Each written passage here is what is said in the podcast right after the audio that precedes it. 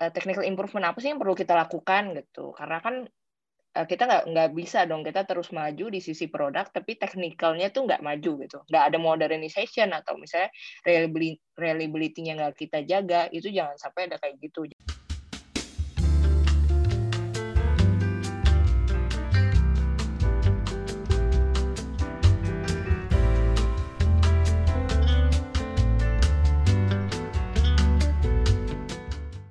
Halo, halo, selamat pagi, selamat siang, selamat sore, dan selamat malam para pendengar podcast Legit semuanya. Kita kembali lagi di podcast Legit, uh, Lutfi ketemu Sigit yang akan membicarakan hal-hal menarik terkait pekerjaan dan khususnya di startup dan yang lainnya. Mungkin sebelumnya bisa dinyalakan dulu mungkin mungkin Sigit. Halo, halo, halo. Oke, Git. uh, apa kabar nih, Git? Alhamdulillah baik gua. Uh, kita terlalu cepat nih ya. Kemarin perasaan baru kemarin episode 6 sekarang udah episode baru aja nih. Karena memang mungkin ini ya apa dari segi narasumber sudah kita dapat tempatnya cepat gitu dan ada waktunya gitu kan. Oh sih ya sih. Lagi gitu. banyak ya nih lotnya nih. Lot narasumber maksudnya bukan kerjaan. Iya kan? narasumber makanya kita bisa bisa langsung take on hari ini gitu. Uh, Oke, okay. hmm, kita kedatangan siapa nih Git hari ini? Kalau boleh tahu nih. Gua sih ngelihat di listnya uh, seseorang uh, perempuan di women in tech mungkin ya atau women in product aku juga belum tahu produk atau tech ini tapi intinya uh, ya seorang perempuan yang uh, sekarang uh, kerja di salah satu uh, company startup ya startup company uh, di Indonesia namanya sih Cita Indra Suari gitu. Oke. Itu kalau nggak salah hmm. uh, kayak rekomendasi dari lu deh. Kok jadi gue yang introduce. jadi bridgingnya jadi hancur nih Get. Tapi benar sih. Uh, ini kebetulan kemarin kan lagi ada apa? Women International Day ya, eh, International Women Day nggak salah. Iya nah, benar. Hari Perempuan Sedunia ya. Ya betul. Gue kepikir kan sih kita mau bawa suat uh, narasumber seorang perempuan uh, yang dan kita juga setiap uh, setiap episodenya kita nih kurang nih kan ya narasumber perempuan ya. Kita cowok terus nah ya, sekali lah kita membawa uh, narasumber perempuan dan mungkin momennya mungkin udah lewat cuman masih tetap pas lah masih tetap hmm, apa masih tetap valid gitulah ya uh, yep. dekat hari perempuan internasional sedunia. Oke mungkin nggak usah berlama-lama lagi kali ya kita bisa dinyalakan mic-nya. Kita panggilkan Citra Indra Suari. Halo, halo. Halo, halo Citra. Citra. Oke. Apa kabar nih, Citra? Halo semua. Baik, baik. Apa kabar semua? Baik, baik juga. Baik. Luar biasa, sehat. Oke. Uh, mungkin ini dulu kali ya. Sebelum mulai, mungkin perkenalan diri dulu. Dan uh, lagi sibuk apa nih sekarang nih, Citra? Uh, Oke, gue mulai ya. Uh, halo semua, jadi uh, perkenalkan gue Cita.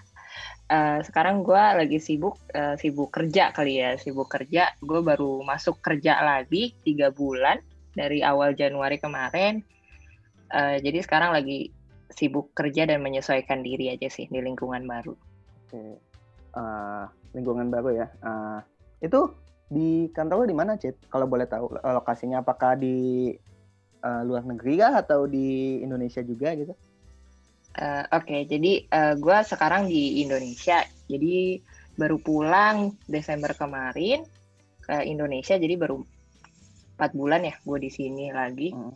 Uh, gue sekarang kerja di Indonesia juga di salah satu uh, big startup di Indonesia. Ini perlu disebut atau nggak usah? Ya? Nggak usah. Ya? Nggak usah. Uh, seenaknya lo aja sih. Kalau nggak mau disebut juga nggak apa-apa. Oke okay, ya salah satu big uh, startup di Indonesia lah mungkin bisa ketebak di mana. Oke okay. uh, tadi lu mention uh, baru pulangnya di Desember emang sebelumnya lu ngapain chat uh, di luar tuh? Uh, gua kuliah dari tahun 2019 ya jadi gue dari Agustus uh, di UK sampai Desember 2020 kemarin. Oh oke okay. baru tahu nih gue nih. Oke. Okay. Uh, Mungkin gua baru nangkep nih. Uh, tadi kan katanya soalnya baru tiga bulan. Gue bilang kayaknya padahal ini udah well experience ya. Masa baru tiga bulan sekolah, eh, sekolah lagi uh, kerjanya. oh ternyata sekolah. Nah kalau boleh tahu Cita, um, sebenarnya waktu di tadi UK ya kalau nggak salah, nah, itu alasan lu waktu itu uh, ngambil sekolah lagi nih S2 kan ya, bener nggak? Uh, kalau boleh konfirmasi. Iya S2. Uh, uh, alasan lu waktu itu ngambil kuliah S2 uh, di luar, terus sebenarnya jurusan apa sih yang lu ambil waktu itu? Uh, waktu ngambil kuliah di S, ya, kuliah S2 di luar? Oke uh, oke, okay, okay. jadi dari alasan dulu ya kenapa gue ngambil gue uh, decide untuk uh, lanjut S2 lagi. Uh. Jadi sebelum gue lanjut S2 tuh gue sebenarnya udah tiga tahun kerja ya di di di company di big startup yang tadi gue sebut juga. Nah uh, setelah gue gue tiga tahun kerja, gue ngerasa kayak uh, jadi gue gue itu kerja di uh, di teknologi di teknologi departemen di engineering di engineering divisionnya jadi di uh, saat itu gue jadi DevOps, DevOps engineer. Uh, hmm. Gue kebetulan jadi DevOps lead saat itu.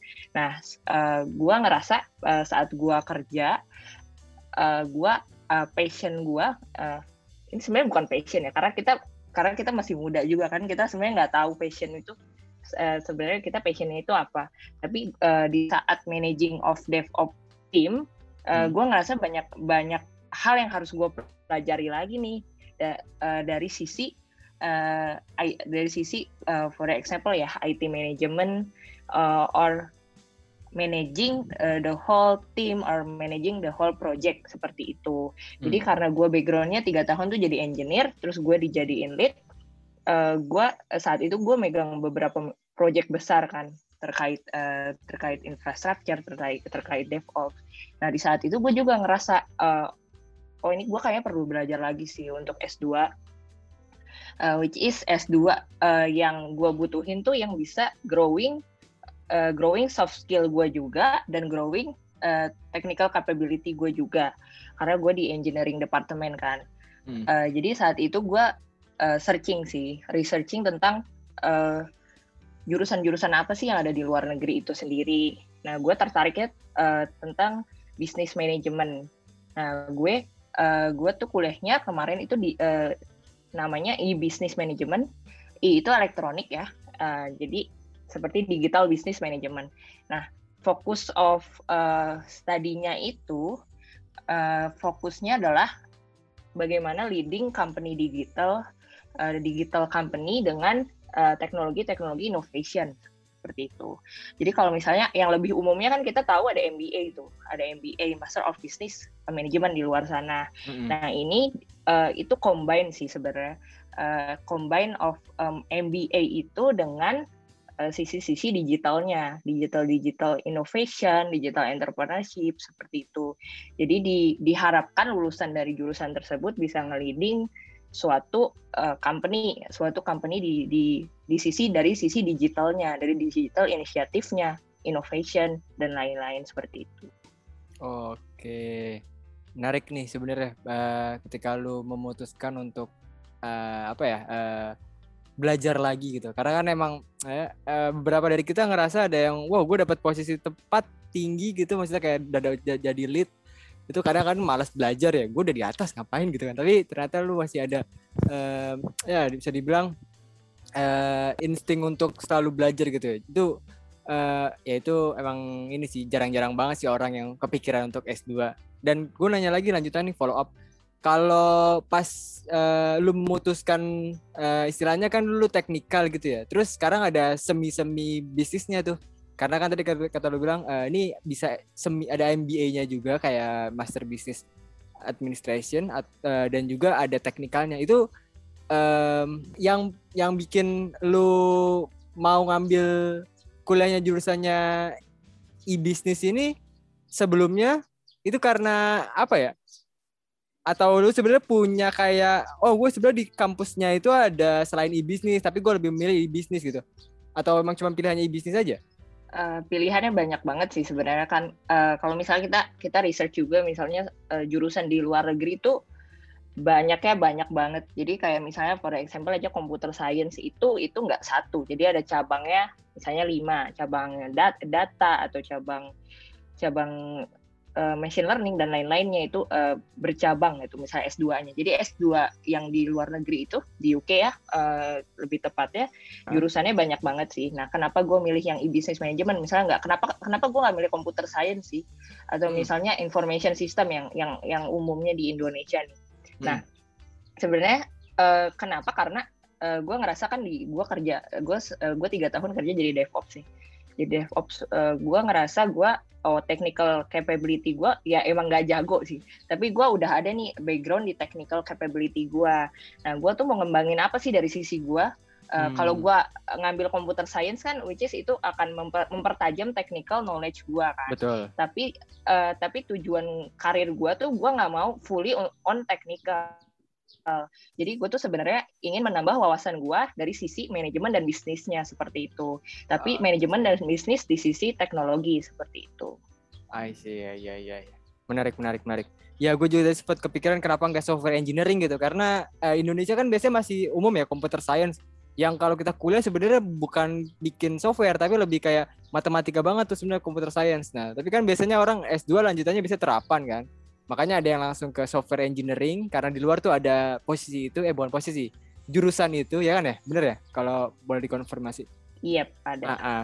Makanya gue bilang oh, oh nih ternyata lu emang kayak kepengennya karena pengen nambah skill di itu ya. Oke, okay, I see. Silakan Lutfi. Balance nih berarti kita uh, antara technical sama dari sisi bisnisnya kayak gitu berarti ya. Oke. Okay. Uh, itu lu kuliahnya di UK kan ya, Cit ya? Itu dari biaya sendiri kah atau ada beasiswa atau gimana?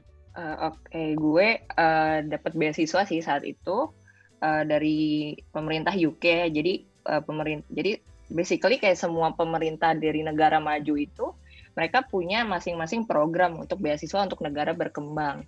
Nah, salah satunya UK. UK itu punya beasiswa namanya Savening Nah, mm-hmm. Bening itu dari uh, eh, UK government-nya, uh, eh, UK government di uh, bagian foreign uh, or public uh, public uh, area gitu untuk dia handling of uh, urusan antara UK dengan dunia luar dengan dengan negara luar negara luar UK. Jadi tujuan UK itu membuat beasiswa itu untuk membiayai kayak negara-negara uh, yang ada relasi nih ke UK dan untuk mengembangkan ya uh, orang-orang dari negara-negara tersebut mayoritas dari negara berkembang sih seperti itu. Oke, nah itu lu tahu infonya si beasiswa Sevening itu dari mana Cit? Mungkin uh, bisa bisa diceritain nih prosesnya mulai dari awal lu tahu sampai daftar, terus akhirnya bisa berangkat ke sana gitu. Ngasih insight aja nih ke pendengar kita nih. Siapa tahu dia mau, ih, ini gue tertarik nih mau apply ah gitu. Oke. Oke, jadi uh, kenapa gue tahu Stevening ya mungkin uh, karena uh, sebenarnya bukan bukan karena gue misalnya dari dari awal dari kuliah S1 oh, gue pengennya Stevening doang nih kuliah kuliah S2 di UK aja gitu. Hmm. Nggak gue nggak pernah ada pikiran gue mau kuliah di UK itu nggak pernah. Jadi gue cuman uh, karena kakak gue juga kuliah di luar negeri S2-nya, gue kayak oh gue kepikiran kuliah di S2 di luar juga, tapi gue belum tahu nih negaranya apa. Bisa jadi Amerika, bisa jadi Aussie, bisa jadi uh, Jepang atau uh, other countries juga bisa. Jadi gue sebenarnya research semua negara sih, research semua semua negara. Uh, mereka tuh ada, ada program beasiswa apa sih? Jadi yang pertama gue cari itu beasiswanya bukan uh, ya jurusan pasti, tapi beasiswa kalau nggak ada beasiswa gue nggak berangkat gitu karena gue nggak punya duit sebanyak itu untuk gue lanjut S2. Jadi okay. uh, gue cari yang pertama gue cari beasiswanya untuk uh, semua negara-negara yang gue cari ya, misalnya kayak Jerman, Belanda, Amerika dan lain-lain di UK. Nah, gue uh, nah dan ternyata semua negara tersebut tuh uh, punya loh beasiswa sendiri karena kan mungkin di umumnya kita ini kita tahunya LPDP aja kan misalnya. Ya. Kalau misalnya baru lulus kuliah, oh gue pengen daftar LPDP dari beasiswa Indonesia.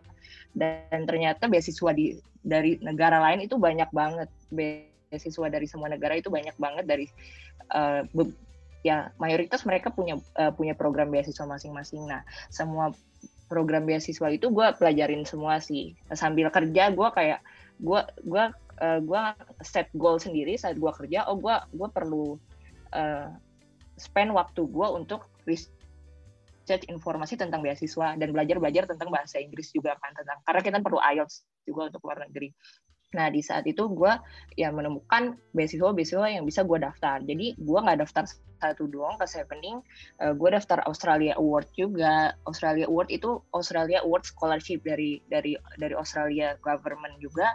New Zealand New Zealand Scholarship itu gue lupa namanya, tapi mirip dengan uh, eh, AAS yang dari Australia. Terus gue daftar Swedish Institute juga dari Swedia. Uh, dan gue daftar Sevening saat itu dan uh, gue daftar Amerika juga yang Fulbright. Nah, uh, dari beberapa beasiswa ini uh, yang lolos gue uh, yang lolos gue sampai dapat ya ini nggak nggak hmm. interview doang yang okay. gue lolos sampai dapat itu Stevening yang yang UK dan Swedia yang Swedish Institute itu nah uh, di uh, prosesnya itu apa aja sih misalnya nah prosesnya itu sama semua sih sebenarnya setiap setiap setiap negara itu Uh, jadi mereka butuh esai, butuh esai, esainya kayak kita tuh orangnya kayak gimana. Sebenarnya mereka mau tahu kita tuh orangnya kayak gimana. Uh, terus kita mau mau apa sih uh, dari dari sekolah ini di luar? Apa yang apa yang mau kita dapatkan dari uh, dari sekolah lanjut S2 lagi? Uh, spesifiknya kenapa harus di negara itu dan kenapa harus uh, sekolah di luar negeri gitu. Dan apa yang bisa apa yang bisa lu berikan uh, apa yang bisa kita berikan setelah kita lulus gitu. Esainya sebenarnya semua negara itu semua. Jadi gue bikin satu buat semua semua semuanya gitu intinya. Jadi tinggal okay. dimodif dikit-dikit. Ada formatnya ya? Iya, jadi gue bikin ya ya ya karena esainya sama semua gitu. Hmm. Pertanyaannya ada beda-beda gitu. Esai pasti ada beda-beda kan. Kayak misalnya si spending tuh ada empat esai, empat esai yang perlu disubmit. Tapi yang Swedish Institute tuh cuma satu atau yang Fulbright itu cuma uh, satu paragraf itu beda-beda semua. Uh, tapi intinya sama pertanyaannya. Intinya tuh kenapa uh, lu mau mau ambil S2 di luar dan apa yang bisa lu berikan ke negara lu plus organisasi yang memberikan beasiswa tersebut gitu. Oke. Okay. Uh, itu apa uh, itu lu lolos dua kan ya Sevening sama yang dari Swedish itu ya? Iya. Oke. Okay. Eh tapi masih ada lanjutannya nggak tadi setelah uh, esai sampai uh, lolos itu masih ada prosesnya lagi nggak sih atau cukup sampai situ aja? Uh, prosesnya panjang sih. Jadi setiap beasiswa itu uh, rata-rata satu tahun ya uh, prosesnya. Jadi uh, misalnya kayak yang Sevening ini, gue uh, gue daftar bulan November eh Oktober Oktober 2018 uh, Februari baru diundang untuk interview uh, Maret uh, April. April gue baru datang ke embassy embassy UK embassy di Jakarta di Kuningan. Itu untuk interview pengumumannya baru bulan Juni. Jadi uh, prosesnya panjang banget setiap beasiswa itu kayak yang Swedish juga panjang juga. Oh, yang Swedish tuh lebih singkat tujuh uh, bulan atau 8 bulan yang yang Sevening tuh agak agak lama banget.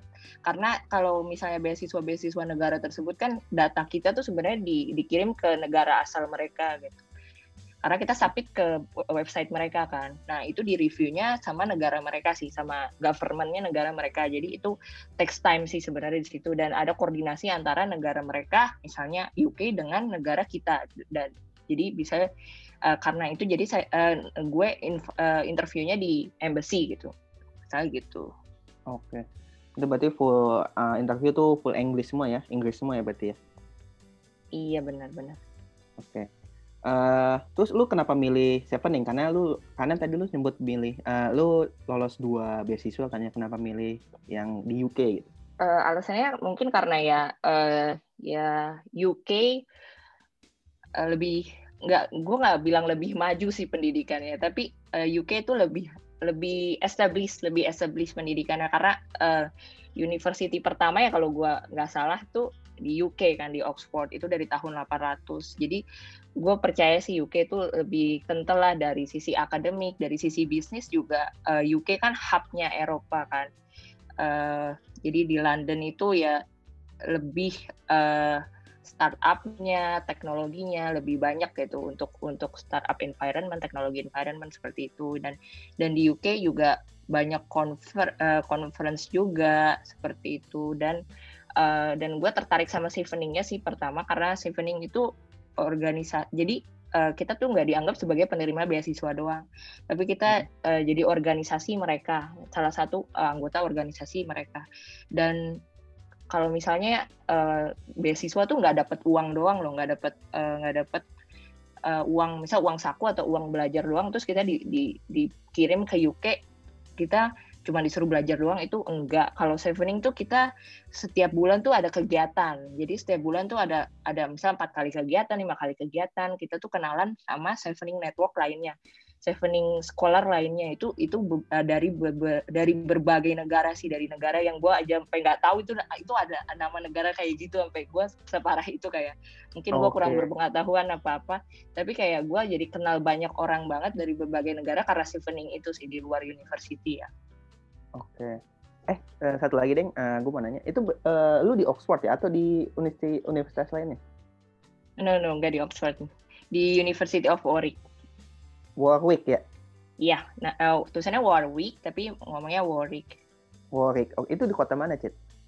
Uh, itu di kota uh, Coventry. Sebenarnya itu uh, nama gue uh, gue bingung sih kalau untuk menerjemahkan ke daerah Indonesia ya itu kayak uh, bukan kabupaten jadi kayak ada daerah Jabodetabek itu tapi bukan di uh, jadi ada kumpulan kota tuh namanya Warwick Warwickshire Warwickshire Warwickshire sorry Warwickshire okay. itu tapi tapi gue kotanya di Coventry dah gitu oke okay. I see I see oke okay, thank you Cid mau nanya nih Cid kan tadi lu sempat bilang uh, ya uh, banyak kayak kegiatan ada di apa namanya yang di Sevening itu jadi nggak cuma sebagai oh gue dapet duit gitu ya bisa menikmati belajar gitu tapi ada yang lain-lain Nah, uh, gimana sih sebenarnya cara lu adaptasi waktu di Sevening?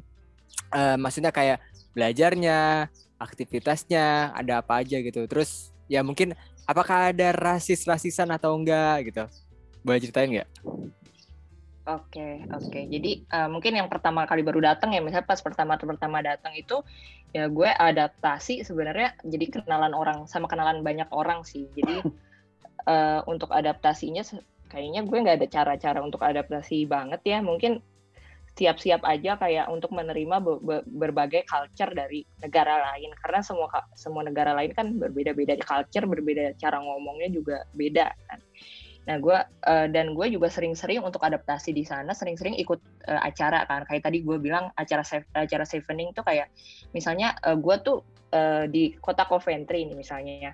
Nah uh, si Stephen ini suka bikin acara misalnya di acara di kota Manchester, di di, di kota York atau di kota lain-lainnya. Nah, nanti kita tuh pergi-pergi ke Manchester atau ke York terus kenalan sama misalnya uh, misalnya Stephening Scholar tapi bukan yang dari university kita gitu. Misal dari University of Manchester atau University of Leeds atau dari Edinburgh. Jadi kita kenal banyak orang sih dari situ. Dan uh, dan juga dari sisi universitinya juga banyak banyak kegiatan sih. Gue takjubnya banyak banget kegiatan di di luar akademis gitu yang jadi gue bisa kenalan sama orang jurusan lain atau kenalan sama uh, negara negara orang-orang di jurusan gue tapi ya ya negaranya beda-beda kan. Itu kan pasti kan kalau jurusan gue tapi yang uh, banyak sih acara untuk sama jurusan lain juga sama anak-anak S1 seperti itu. Terus uh, kita juga yang uh, Sevening Scholar yang penerima Sevening Scholar di university gue tuh ada orga, ada kumpulannya perkumpulannya juga. Jadi kita sering main bareng gitu. Itu sih gue adaptasinya mungkin kayak sering ikut join join join join acara ya. Jadi ya kenalan sama orang yang nggak kerasa sih jadi adaptasi sendiri. Kalau dari kuliahnya ada ini nggak kayak penyesuaian gitu beda sama di sini apa enggak atau gimana tuh waktu lu kuliah di sana 45 menit kah atau gimana kah gitu? Uh, kalau kuliah di sana sih ya beda beda banget ya. Kalau ini sih dari sistemnya juga dan dari cara pengajaran dosennya. Kalau gue sih ngerasa gue beda banget ya. Dulu gue di uh, salah satu university di Depok. Uh, nah uh, mungkin kalau bisa di uh, di summary ya sistem pendidikannya UK itu uh, ngebuka pikiran gitu. Jadi kita disuruh uh, disuruh kita kreatif gitu, kreatif dan kita nggak ada hafalan sama sekali itu nggak ada. Jadi semua semua orang itu bisa mengutarakan pendapat mereka masing-masing. Jadi nggak ada benar nggak ada benar dan nggak ada salah, tapi semuanya punya ide masing-masing, background masing-masing dan semuanya itu bisa dibimbing sama dosennya seperti itu. Gue ngerasanya bedanya itu sih sama pendidikan Indonesia. Oke, berarti sebenarnya kalau lu dulunya adalah orang yang uh, pendiam aja gitu sebenarnya pas kalau di Chevening kalau malah diem malah rugi ya beneran jadi gitu gak sih kalau misalkan pas belajar tuh karena kan emang diberi iya. kebebasan untuk mengatakan kalau misalkan sebelumnya kita merasa kayak ah yang bener adalah dosen kita tuh selalu salah jadi kita kan jadi males kan atau ya kita kalah lah berpendapat tapi kalau di Chevening kayaknya uh, malah dibebaskan gitu ya jadi berekspresinya itu ya Benar iya, iya. By, by the way, Stevening kan uh, beasiswanya ya. Uh, itu kayak oh iya, kayak organisasi gitu. Uh. Uh, kalau gue di University of Warwick ya. Jadi ya dari dari university gue sangat-sangat mereka terima sih. Terima kalau kita ada pendapat lain. Jadi misalnya kalau uh, gue dulu S1 sering yang kayak dosen ada pertanyaan enggak gitu uh, kita diem aja gitu. Oh oke okay, berarti udah selesai. Nah kalau di di UK itu beda banget. Kalau kita nggak ada pertanyaan kita malah kok bisa sih nggak ada pertanyaan? Kalian nggak ada pendapat gitu. Pendapat dari apa yang kita omongin. Terus jadinya kita open apa ya kayak semua semua orang bisa kasih pendapat dan saling tukar pikiran gitu kalau di UK dan dan ujiannya misalnya gue kalau gue nggak ada ujian sama sekali S2-nya okay. dan based on based on essay based on essay jadi esai gue itu nggak ada benar dan nggak ada yang salah gitu. Jadi kita disuruh bikin sesuatu, uh, misalnya uh, karena gue kan uh, sekolah, uh, kuliahnya bisnis digital business management ya, e-business yeah. management. Jadi gue kayak dikasih kasus nih, kasus suatu company kayak gini nih, terus lu mau ngapain habis itu gitu sebagai uh, ya sebagai orang yang bakal ngelit teknologi innovation di company tersebut, uh, gue harus apa gitu. Nah itu tuh nggak ada benar dan salah, tapi yang di yang yang yang mereka nilai itu uh, kita tuh se, seanalitis apa sih dalam penyelesaian masalah uh, inovasinya tuh uh, kita tuh researchnya gimana caranya kayak gitu. Oke, ya ya ya.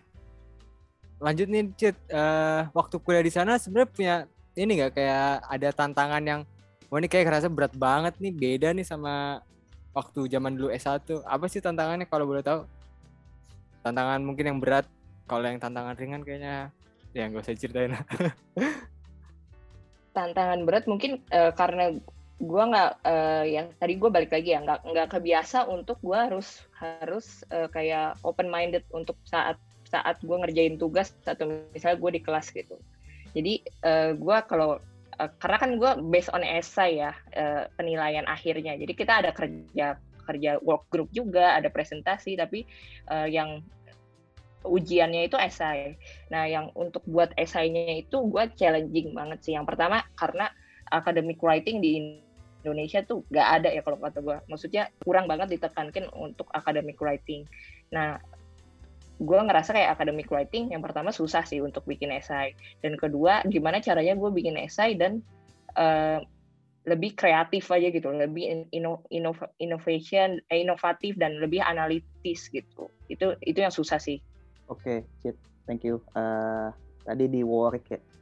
Uh, tadi kalau nggak salah lu sempat mention di sana itu dari segi lingkungan belajar tuh lebih apa ya lebih open discussion ya antara dosen sama si uh, mahasiswanya ya.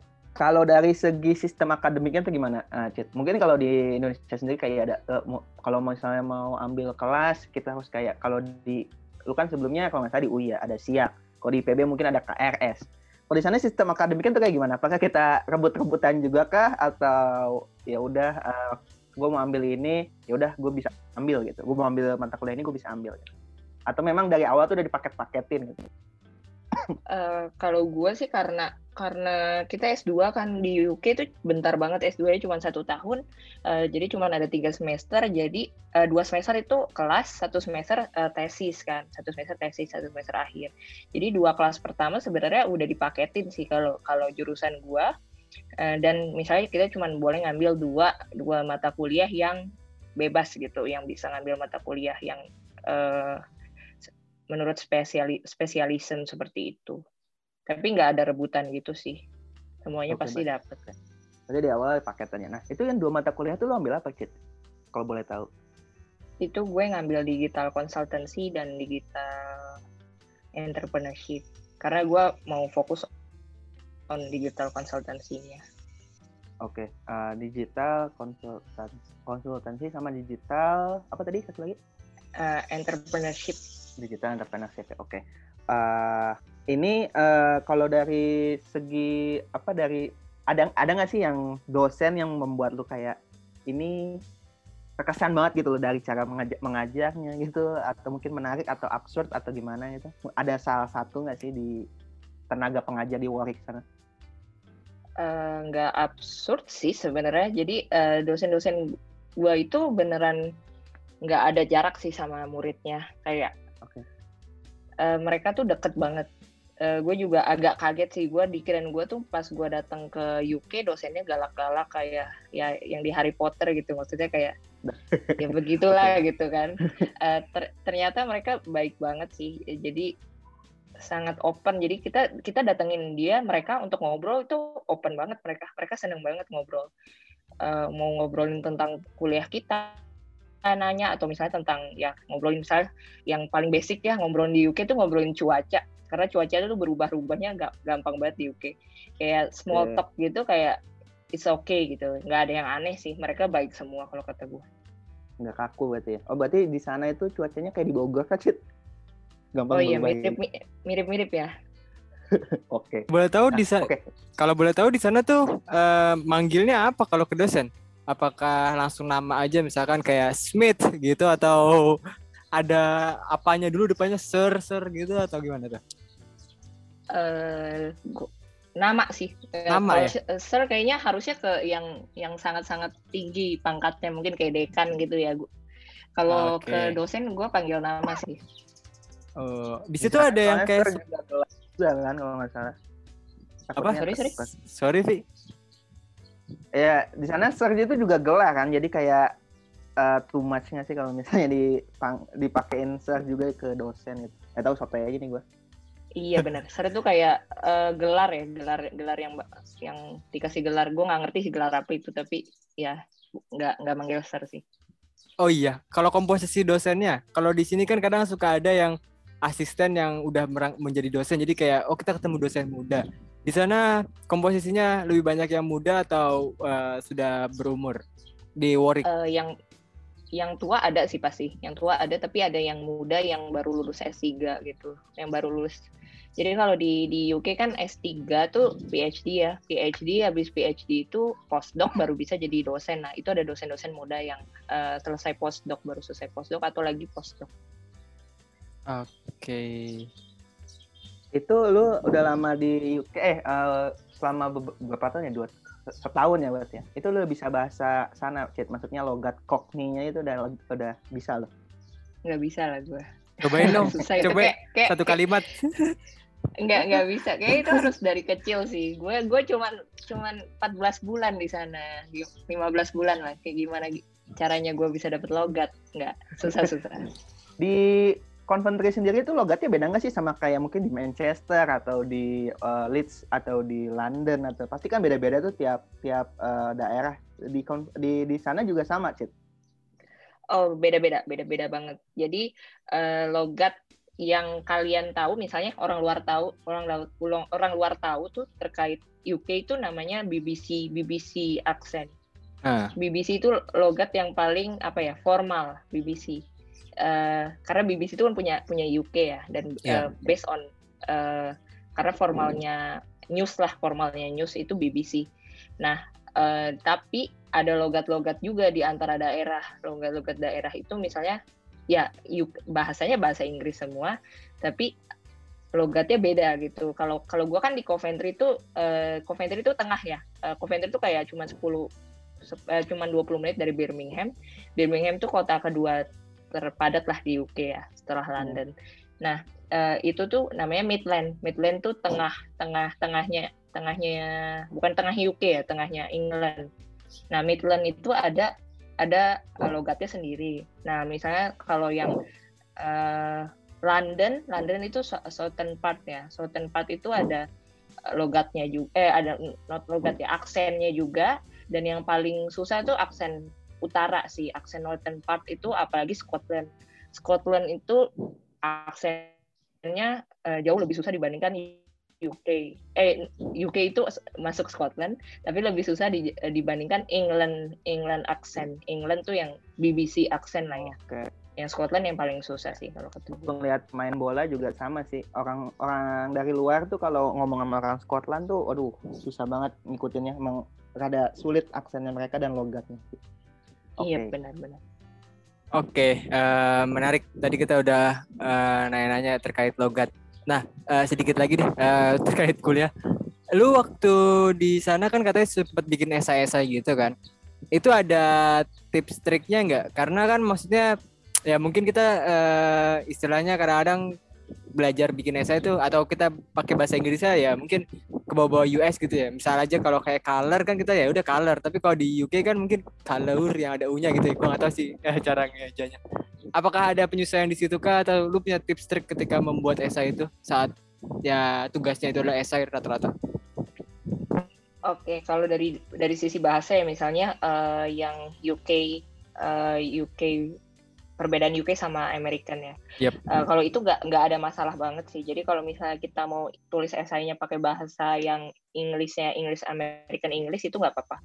Jadi uh, uh, dosennya nggak nggak mempermasalahkan sama sekali. Tapi yang lebih ditekankan itu yang academic writingnya ya.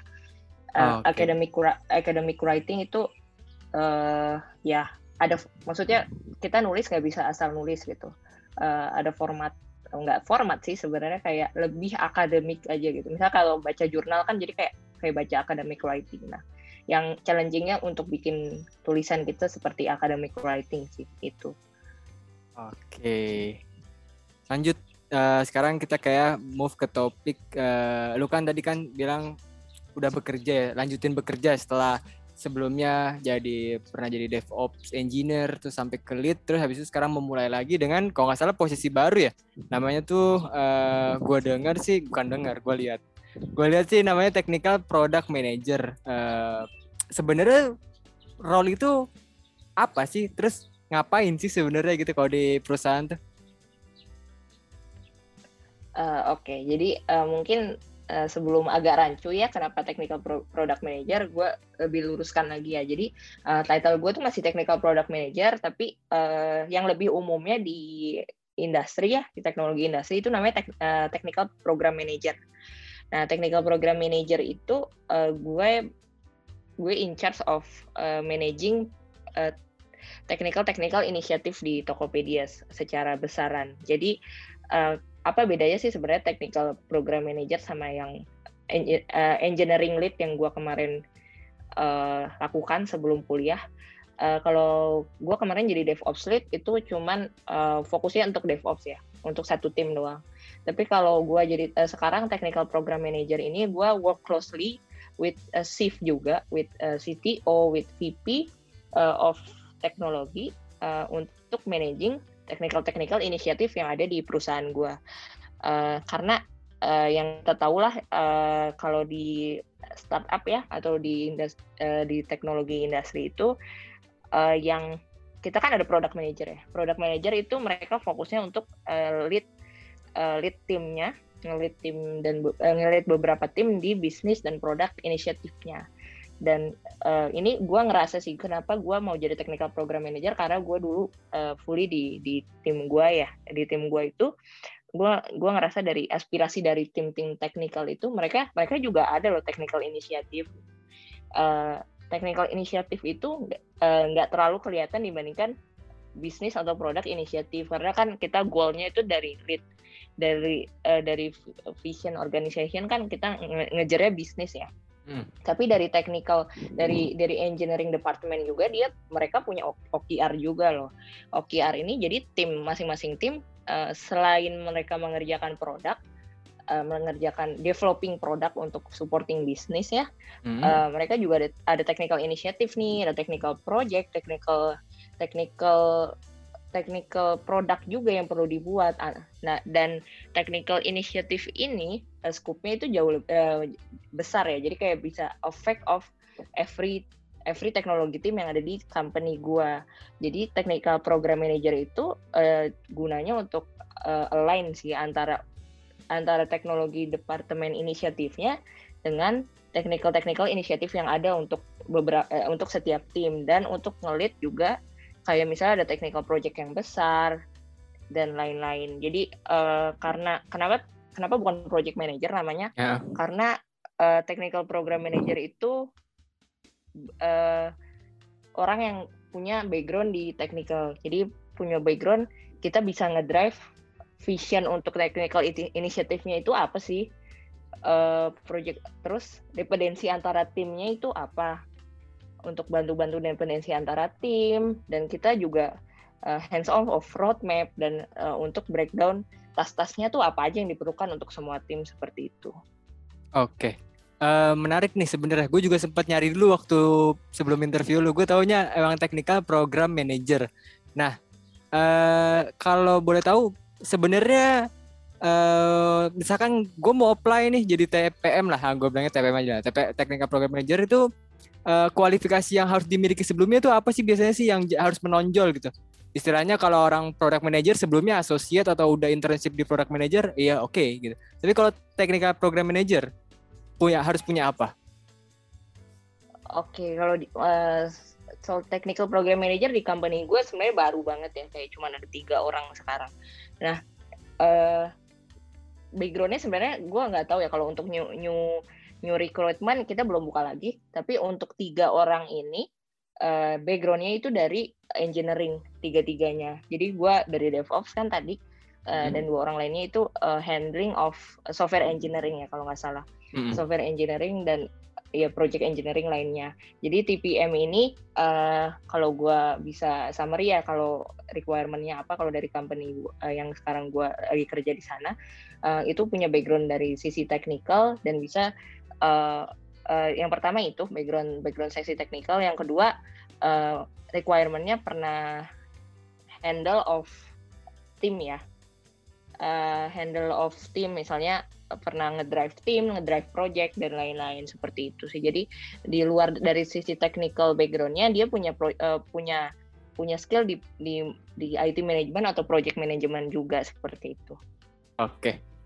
Uh, mau nanya dong, Chat. Berarti dari tadi kan lu kayak ngewadahin setiap inisiatif dari uh, engineer-engineer yang ada di kantor lu sekarang. Kalau misalnya kalau misalnya mereka punya mungkin kalau gue boleh uh, lebih sederhanain bahasanya kayak ini ada inisiatif buat ngebenerin flow-nya atau ngebenerin code-nya itu dipersilakan banget. Berarti ini lebih kayak dari down to top ya. Sedangkan kalau ngejain ke uh, ngejain produknya kan itu kadang-kadang ada top down, top down-nya. Kalau misalnya uh, inisiatif ini berarti lebih ke down down top ya. Kalau boleh lihat. Eh kalau boleh dengar uh, tadi. Oke okay, oke, okay. uh, beda sih. Jadi uh, sebenarnya technical initiative juga ada dari atas loh, dari top top down. Jadi oh, okay. uh, for for example ya, misalnya ini yang paling paling umum aja ya di semua company pasti ngerasain migration. Migration misalnya ke dari satu cloud ke cloud environment lainnya atau misalnya tadinya bu bukan di cloud pindahin ke cloud gitu. Ini yang paling umum aja ya proyeknya misalnya technical initiative-nya. Nah, itu uh, di di uh, itu kan uh, technical initiative itu misalnya modernization itu bakal ke efek ke semua tim tuh di semua tim yang ada di tech uh, hmm. dan sisi technya itu sisi uh, sisi technya misalnya software engineer-nya itu mereka juga uh, kerjain produk nih produk development tapi mereka juga ada perlu migration nih contohnya jadi kenapa ada ada ada TPM juga TPM ini? Uh, karena misalnya dari technical initiative misalnya yang besar nih ya yang untuk afek uh, untuk yang kena kena impactnya ke semua uh, tim misalnya itu.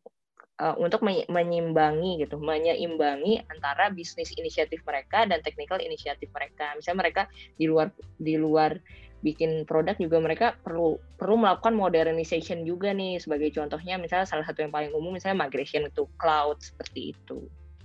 Oke. Oke, okay. uh, berarti tadinya ini uh, berubah nih ya istilahnya dari technical product manager berarti jadinya technical program manager. Nah ini berarti uh, eh, gue melihatnya masih ada apa ya uh, bersinggungan dikit sama produk lah. Uh, ini apakah masih terhitung engineering atau product team sini si TPM ini? Uh, Sebenarnya TPM itu masuk uh, engineering jadinya. Engineering, oke. Okay. Uh, ini eh sorry berisik ada itu uh, ini termasuk jalur IC atau individual contributor atau dari sisi man, uh, dari uh, atau lebih ke manajerial ya. Mungkin maksudnya kalau dari sisi lu sendiri mungkin selain nge-manage ada uh, mungkin dari lu sendiri ada individual kontributornya ke tim atau ini pure untuk lu cuman manage aja gitu. Uh, tadi perbedaannya uh, so, gue ngelurusin aja ya, soalnya kalau individual kontributor kan biasanya di di tiap company beda-beda nih. Jadi maksudnya kalau hmm. individual individual kontributor maksud lu jadinya ke tim juga maksudnya gitu. Sebenarnya oh, lebih ke ini sih, sorry, gue nambahin. Kan uh, istilah IC atau individual contributor tuh bisa jadi kan posisinya ada kalau di bukunya staff engineering tuh ada tech lead, technical lead, terus ada uh, arsitek, terus ada kalau nggak salah uh, right apa ya, gue lupa. Pokoknya ada empat ya istilahnya gitu. Tapi kalau manajerial kan lebih kayak engineering manager, terus kadang-kadang uh, uh, senior engineering manager, atau pokoknya yang lebih ke manajerial aja dari sisi engineeringnya. Nah kalau TPM ini sebenarnya jalurnya dari mana nih sebenarnya? Masuk ke jalur IC atau masuk ke jalur manajerial? Gitu mungkin maksudnya.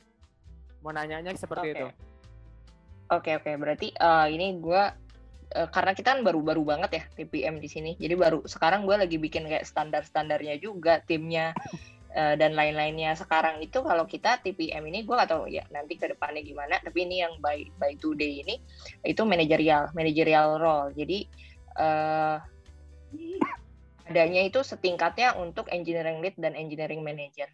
Oke okay, oke. Okay. Itu uh, berarti lu ngebikin guideline gitu ya atau mungkin ngebikin parameter uh, untuk apa ya untuk para engineer di kantor lu sekarang gitu ya? Misalnya uh, kalau yep, yep Oke. Berarti lu bikin kayak semacam apa ya? Eh uh, OKR ke tim lu sendiri kah atau mungkin uh, OKR OKR yang mereka buat itu kayak semacam uh, bisa didiskusikan sama lu nih buat mungkin uh, oh nggak baiknya gini nih OKR-nya atau mungkin ada standar OKR tersendiri yang diterapin oleh lu ke tim-tim uh, yang lu manage gitu. Uh, Oke, okay. jadi uh, dari sisi OKL sama ini ya misalnya goal timnya misalnya. Yeah. Nah kalau kalau dari sisi uh, eh, TPM sendiri, uh, yang pertama kan kita baru uh, kita uh, kita sekarang tuh handling uh, of yang technical initiative tadi. Jadi technical project yang berhubungan antara beberapa tim gitu, beberapa tim atau technical project yang besar seperti itu dan dan technical initiative inisiatif inisiatif lainnya. Tapi di luar itu uh, dari orang-orang TPM yang ada ini, mereka juga handle uh, beberapa tim juga. Misalnya beberapa tim, per, uh, contohnya kalau gue handle handle-nya cloud, cloud team.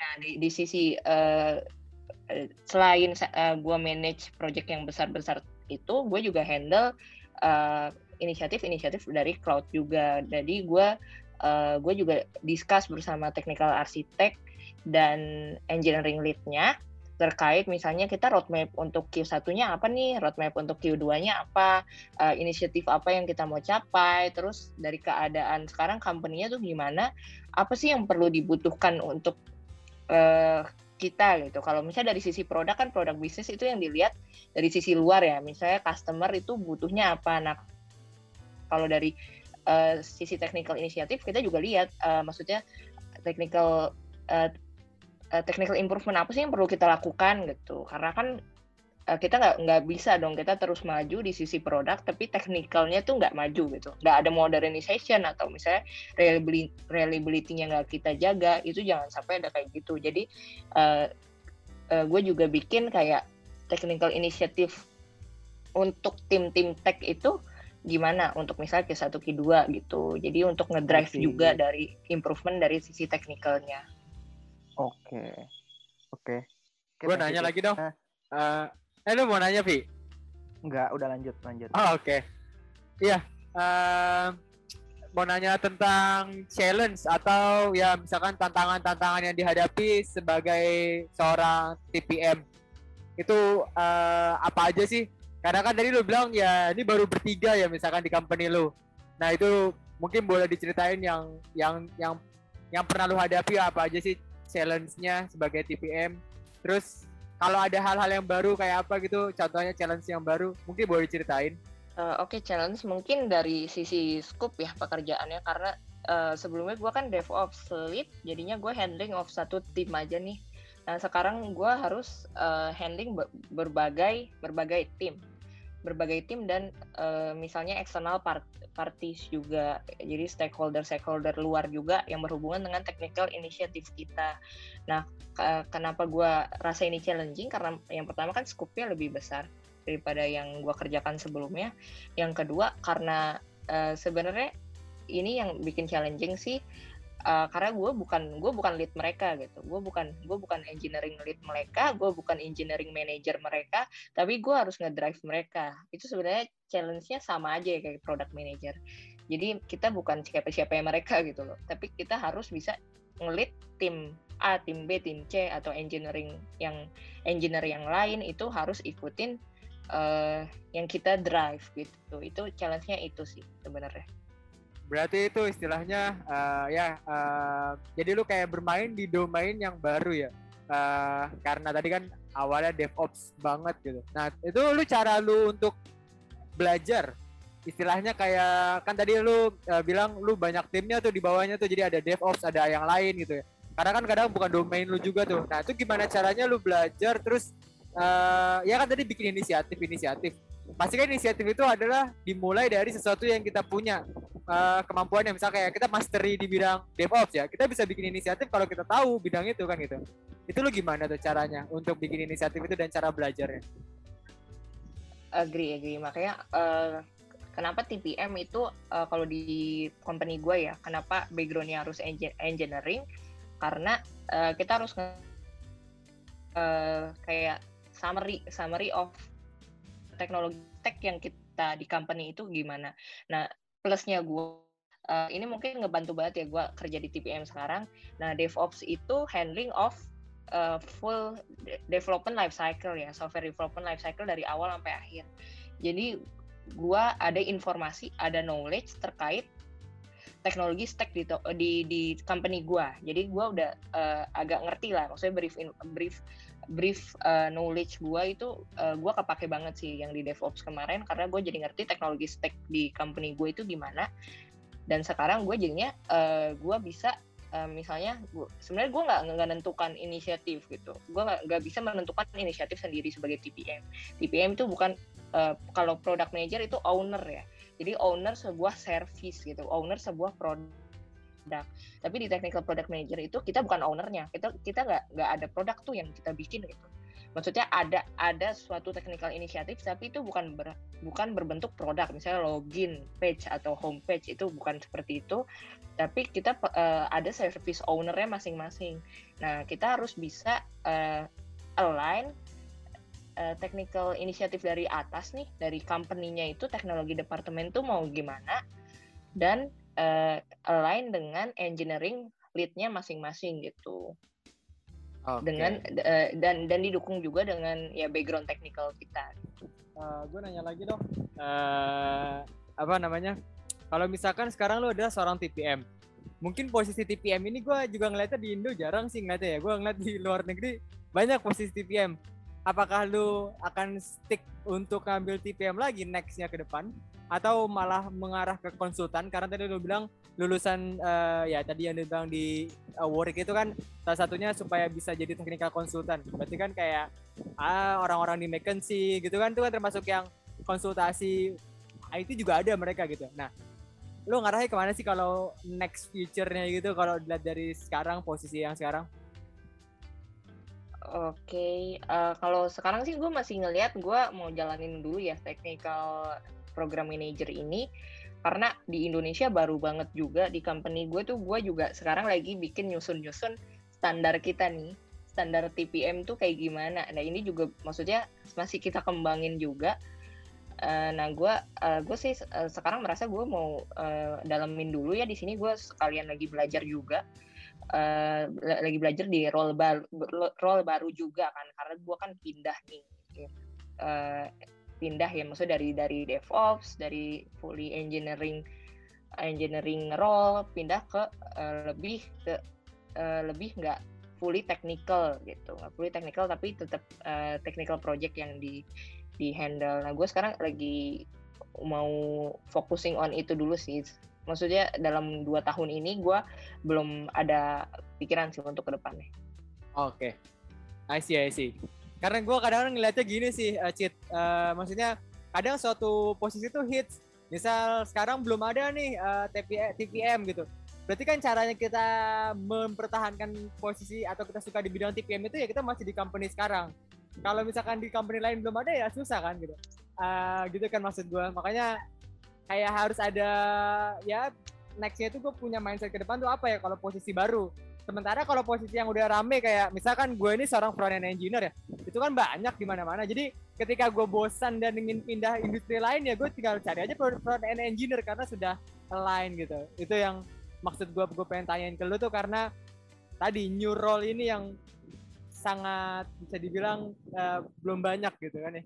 Itu sih. Oke, okay, oke. Okay. Sebenarnya kalau new role ini gue uh, gue ngerasain new role lagi sih yang sebelumnya. DevOps itu nggak ada yang tahu sebelumnya. Jadi gue tuh orang uh, per, bukan orang pertama, salah satu orang pertama yang ngebangun DevOps di company gue. Makanya gue bisa lanjut terus jadi DevOps itu karena gue yang ngebangun uh, eh, gue dan yang lainnya itu beberapa tim uh, beberapa orang lainnya itu gue yang ngebangun DevOps di company gue yang sekarang. Okay. Nah tiga empat tahun lalu itu nggak ada orang yang tahu tentang DevOps. Maksudnya ada tapi itu nggak masif kan. Yang tahu itu tentang sistem sysadmin, sysadmin. Ya, sysadmin, sysadmin. Nah, nah, itu lebih banyak. Uh, uh, jadi orang dulu taunya sysadmin. DevOps tuh baru booming kayaknya dua tahun yang lalu deh, atau setahun yang lalu lah at least. Baru nah. ada ada company-company lain itu punya nih role DevOps. Nah itu juga gue ngerasa pas pertama gue contemplating doang, contemplating juga kan, karena uh, karena ini ini kok cuma company gua doang yang punya ya DevOps uh. gitu. Kok gua cek-cek company lain kok nggak ada yang punya DevOps nih yang sa saat itu ya tahun 2016.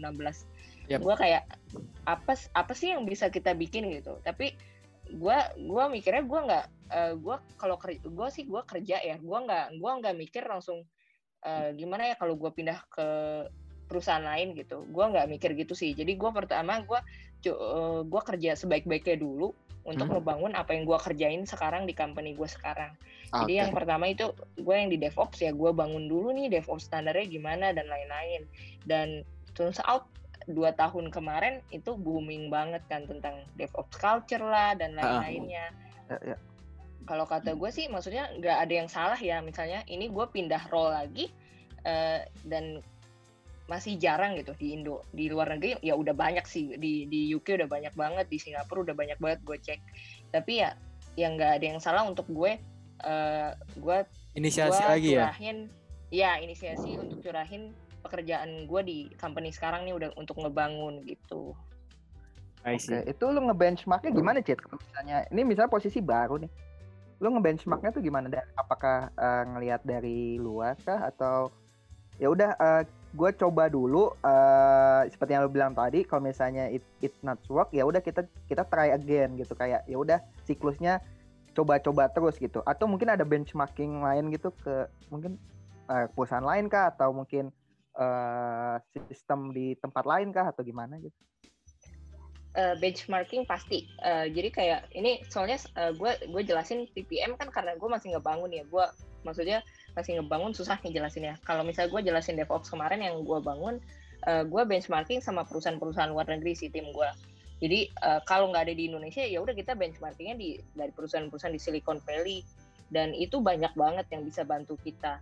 Mereka tuh ada uh, for example ya Google itu Google itu ngeluarin buku-buku buku-buku uh, terkait reliability mereka. Nah kita tuh uh, belajar dari dari Google, belajar dari conference-conference luar. Uh, terus oh mereka pakai uh, misalnya mereka bikin inisiatif ini nih uh, bisa nggak ya kita bikin di company sekarang. Nah itu banyak brainstorm sih sama, sama sama tim dan ya ya orang-orang terkait sama tim itu. Jadi uh, akhirnya sampai establish itu ya banyak yang kita lakukan kita research ke company luar uh, dan lain-lain seperti itu. Oke, okay. uh, oke, okay, thank you. Terus nih, uh, lanjut kali ya. Nah, uh, bagaimana sih keterkaitan uh, kuliah yang udah lu ambil sebelumnya nih kayak S1 mungkin uh, S1 kalau nggak salah lu S1-nya apa sih? Ilmu komputer apa SI sih? SI gua. SI, oke. Okay. Uh, keterkaitan nih ilmu yang lo ambil dari uh, S1 atau S2 yang relate yang relate sampai ke posisi yang sekarang nih. Mungkin kalau dari DevOps uh, relate di ketika lo S1-nya apa dan uh, kalau di posisi TPM sekarang mungkin di ilmu yang lo ambil di S2 tuh relate-nya apa gitu.